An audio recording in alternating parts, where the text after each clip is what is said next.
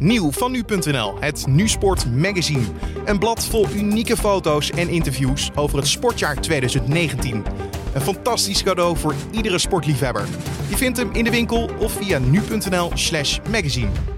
Goedendag, het is vandaag maandag 25 november 2019. Mijn naam is Carne van der Brink en dit is de Nu.nl Dit Wordt Het Nieuws podcast. Nederland zal vanaf vandaag oranje gekleurd zijn voor de Orange the World actie. Het is namelijk vandaag de internationale dag tegen geweld tegen vrouwen. En om die reden zullen ruim 130 gemeenten gebouwen of objecten in het oranje licht zetten. Want geweld tegen vrouwen en meisjes is een groot probleem. En het wordt heel, heel hoog nodig dat er ook eens een keer een apart hoofdstuk komt over het bestrijden van geweld tegen vrouwen. Dat was de directeur van UN Women Nederland, Marije Cornelissen. Met haar praten we straks verder over de actie en het probleem. Maar eerst kijken we naar het belangrijkste nieuws van nu. De regering van Hongkong zal serieus gaan luisteren naar de bevolking. Dat zegt de hoofdbestuurder Carrie Lam. De oppositiepartijen hebben namelijk zondag bij de districtverkiezingen een historische winst behaald. Nog nooit eerder hadden de pro-democraten een meerderheid onder de districtleden. De verkiezingen van zondag waren de eerste lokale verkiezingen sinds de massale demonstraties in Hongkong. Ze werden daarom ook wel gezien als een referendum en als een graadmeter voor de populariteit van Lam. Een recordaantal van bijna 3 miljoen inwoners van Hongkong bracht zondag een stem uit. Twee amateurwedstrijden zijn zondag stilgelegd door de scheidsrechter nadat een supporter een racistische opmerking maakte naar een speler. Dit weekend hielden veel clubs juist een voetballoze minuut om zich uit te spreken tegen racisme. Tussen een wedstrijd in de hoofdklasse tussen VV Emmen en Jos Watergraafsmeer riep iemand op de tribune Zwarte Piet naar een zwarte speler van de uitclub. En bij een duel in de derde klasse tussen het Arnhemse Eldenia en het Utrechtse Sporting 70 zou een supporter Roetveegman hebben geroepen richting een speler van de tegenpartij. Alle betrokken clubs hebben hun excuses aangeboden en gaan maatregelen nemen tegen racisme. De Israëlische Likud-partij van de door fraude en omkoping aangeklaagde Benjamin Netanyahu wil binnen zes weken interne voorverkiezingen houden. Dat meldt persbureau Reuters. De Israëlische premier zou met de verkiezingen hebben ingestemd en er staat veel druk op Netanyahu om af te treden nadat de hoogste ambtenaar van Israël donderdag een aanklacht tegen hem indiende. Netanyahu zou voor bijna 240.000 euro aan geschenken hebben aangenomen van verschillende personen. Volgens de aanklager heeft hij ook gunsten verleend in ruil voor positieve berichtgeving van twee mediaorganisaties. Indien de premier in alle zaken schuldig wordt bevonden, kan hij tot 13 jaar celstraf krijgen. De Nederlandse Ontwikkelingsbank, FMO, betaalt mee aan de schending van basisrechten op palmolieplantages in Congo. Dat meldt trouw na onderzoek van Human Rights Watch. Op de plantages worden onderbetaalde landarbeiders onder andere blootgesteld aan giftige pesticiden en chemisch verontwaardigd drinkwater. En Human Rights Watch concludeert dat de dagloners omgerekend slechts 1,08 euro per dag verdienen.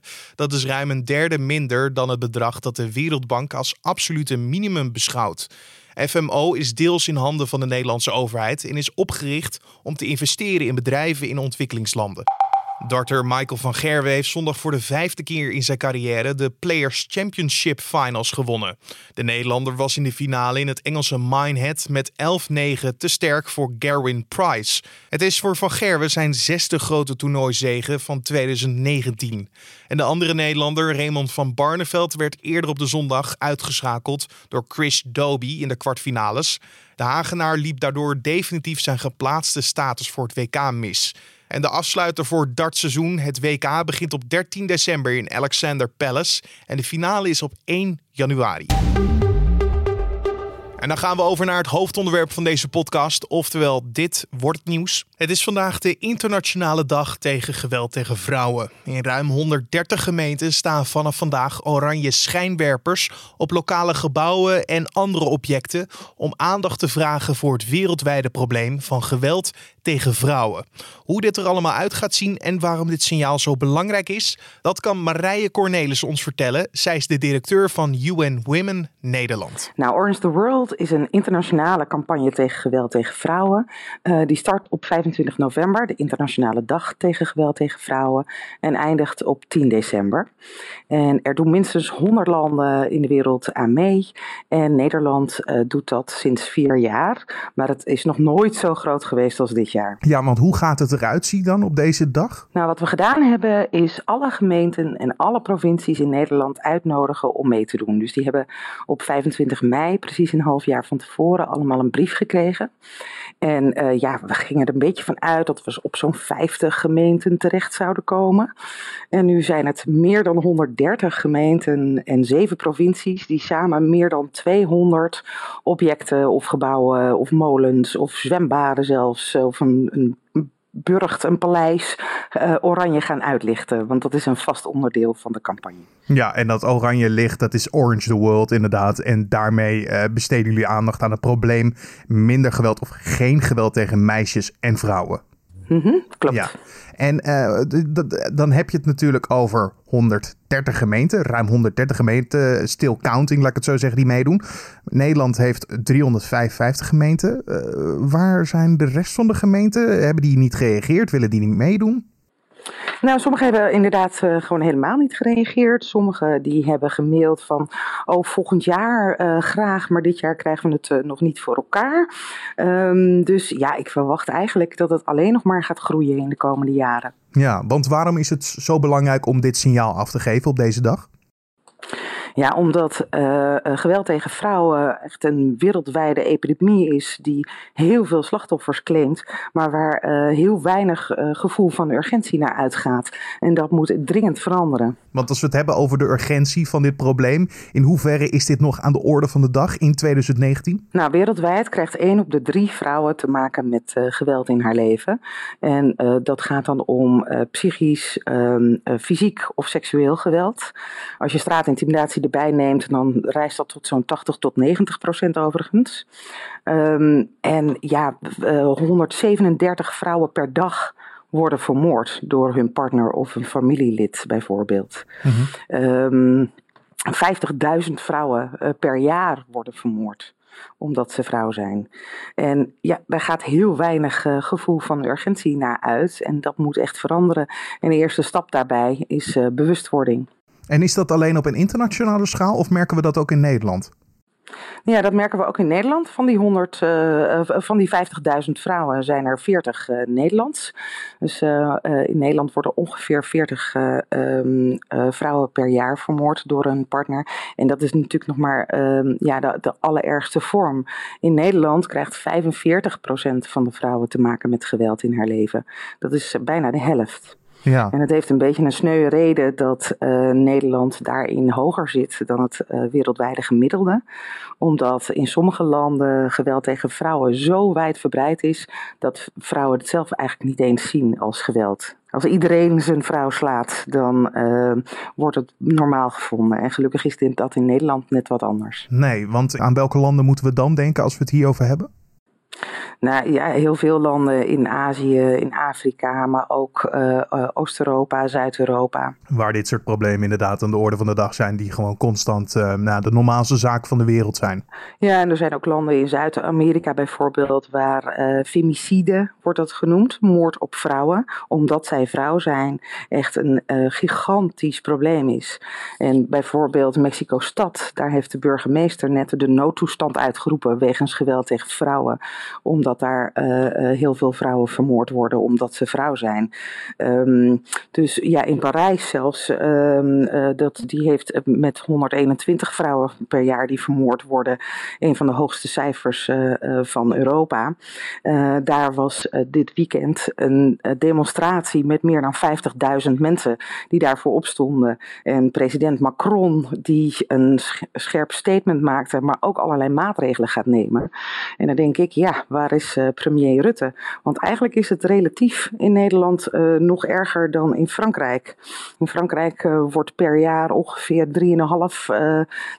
vrouw op de miljoen vermoord. In Nederland is dat 5. Want wat, je, zegt, waar, waar is premier Mark Rutte? Wat, wat zou je dan hopen van hem dat hij gaat doen? Nou, ehm, de, in ieder geval uh, ja, de, de, de urgentie veel duidelijker maken en uh, ja, echt veel meer investeren. Het is heel raar eigenlijk dat uh, er zoveel meer aandacht uitgaat naar het bestrijden van terrorisme bijvoorbeeld. Ik heb de cijfers dus naast elkaar gelegd en tussen 2000 en 2017 zijn er 10 ehm, Nederlandse doden gevallen bij terroristische aanslagen. Over diezelfde periode werden er 760 vrouwen vermoord door een partner of uh, familielid. En toch is er wel een nationaal coördinator terrorismebestrijding, maar is er niet een nationaal coördinator bestrijding geweld tegen vrouwen. Um, toch gaat er allerlei uh, aandacht uit naar het eh, bestrijden van de voedingsbodem van terrorisme. En wordt de voedingsbodem van geweld tegen vrouwen niet aangepakt?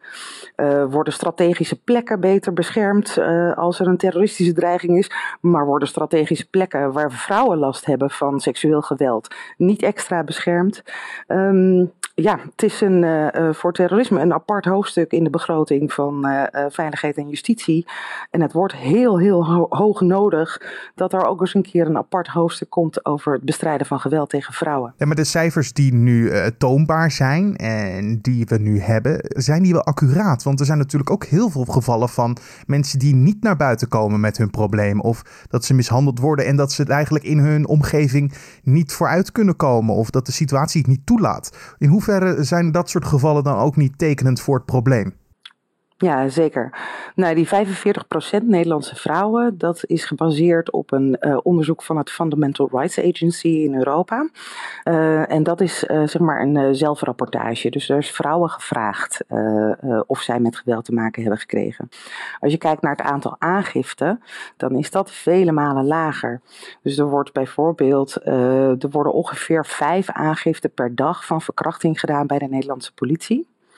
Terwijl het Centrum voor Seksueel Geweld inschat dat er ongeveer 100.000 uh, gevallen van seksueel geweld bijkomen ieder jaar. Dus het betekent dat er echt een ongelofelijke onderrapportage is. En dat heeft voor een heel groot deel te maken met het taboe wat erop rust.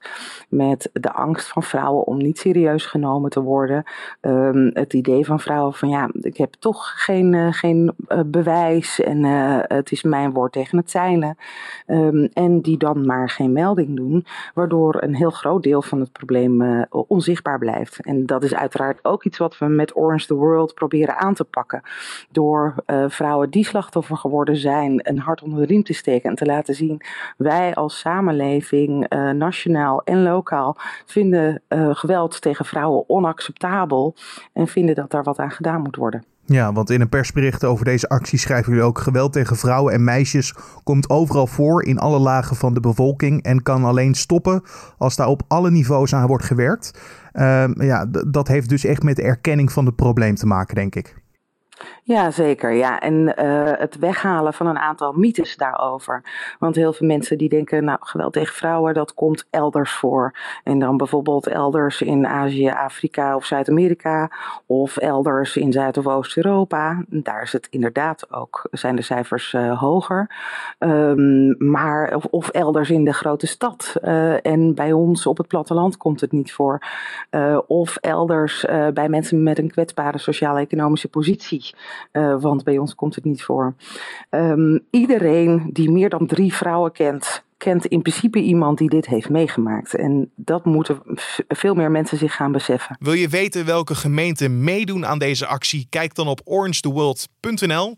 En dat nationale aftrapmoment is vanavond om 7 uur in Utrecht, waar burgemeester Van Zanen en minister van Engelshoven van Onderwijs, Cultuur en Wetenschap het oude stadshuis en de Utrechtse grachten in het oranje zetten. En je hoorde net de directeur van UN Women Nederland, Marije Cornelissen. En dan kijken we nog heel even wat er verder op de agenda voor vandaag staat.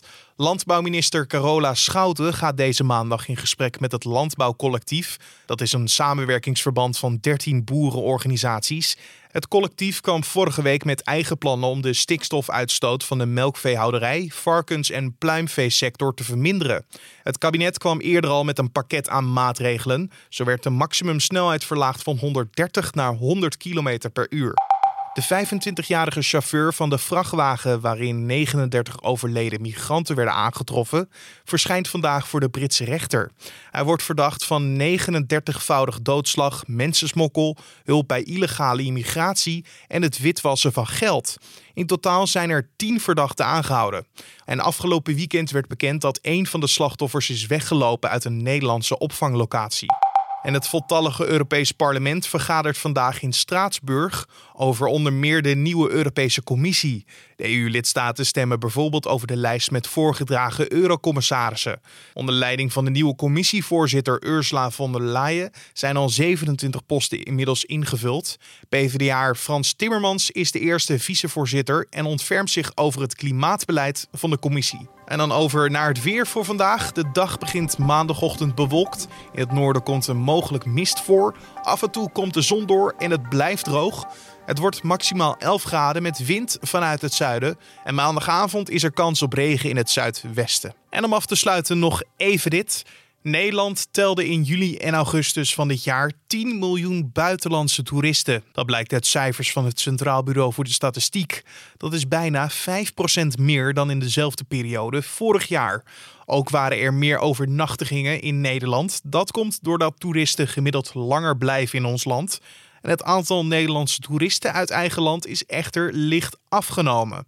Met ruim een half miljoen gasten is Gelderland de populairste bestemming onder Nederlanders. En onder buitenlanders zijn Zeeland, Noord-Holland en Zuid-Holland het meest in trek. En dit was dan de Dit wordt het nieuws podcast voor deze maandag 25 november. Je kan ons laten weten wat je van deze podcast vindt door een mailtje te sturen naar podcast@nu.nl. Daarin kan je zetten wat je misschien anders zou willen zien in de podcast of wat je juist hartstikke goed vindt.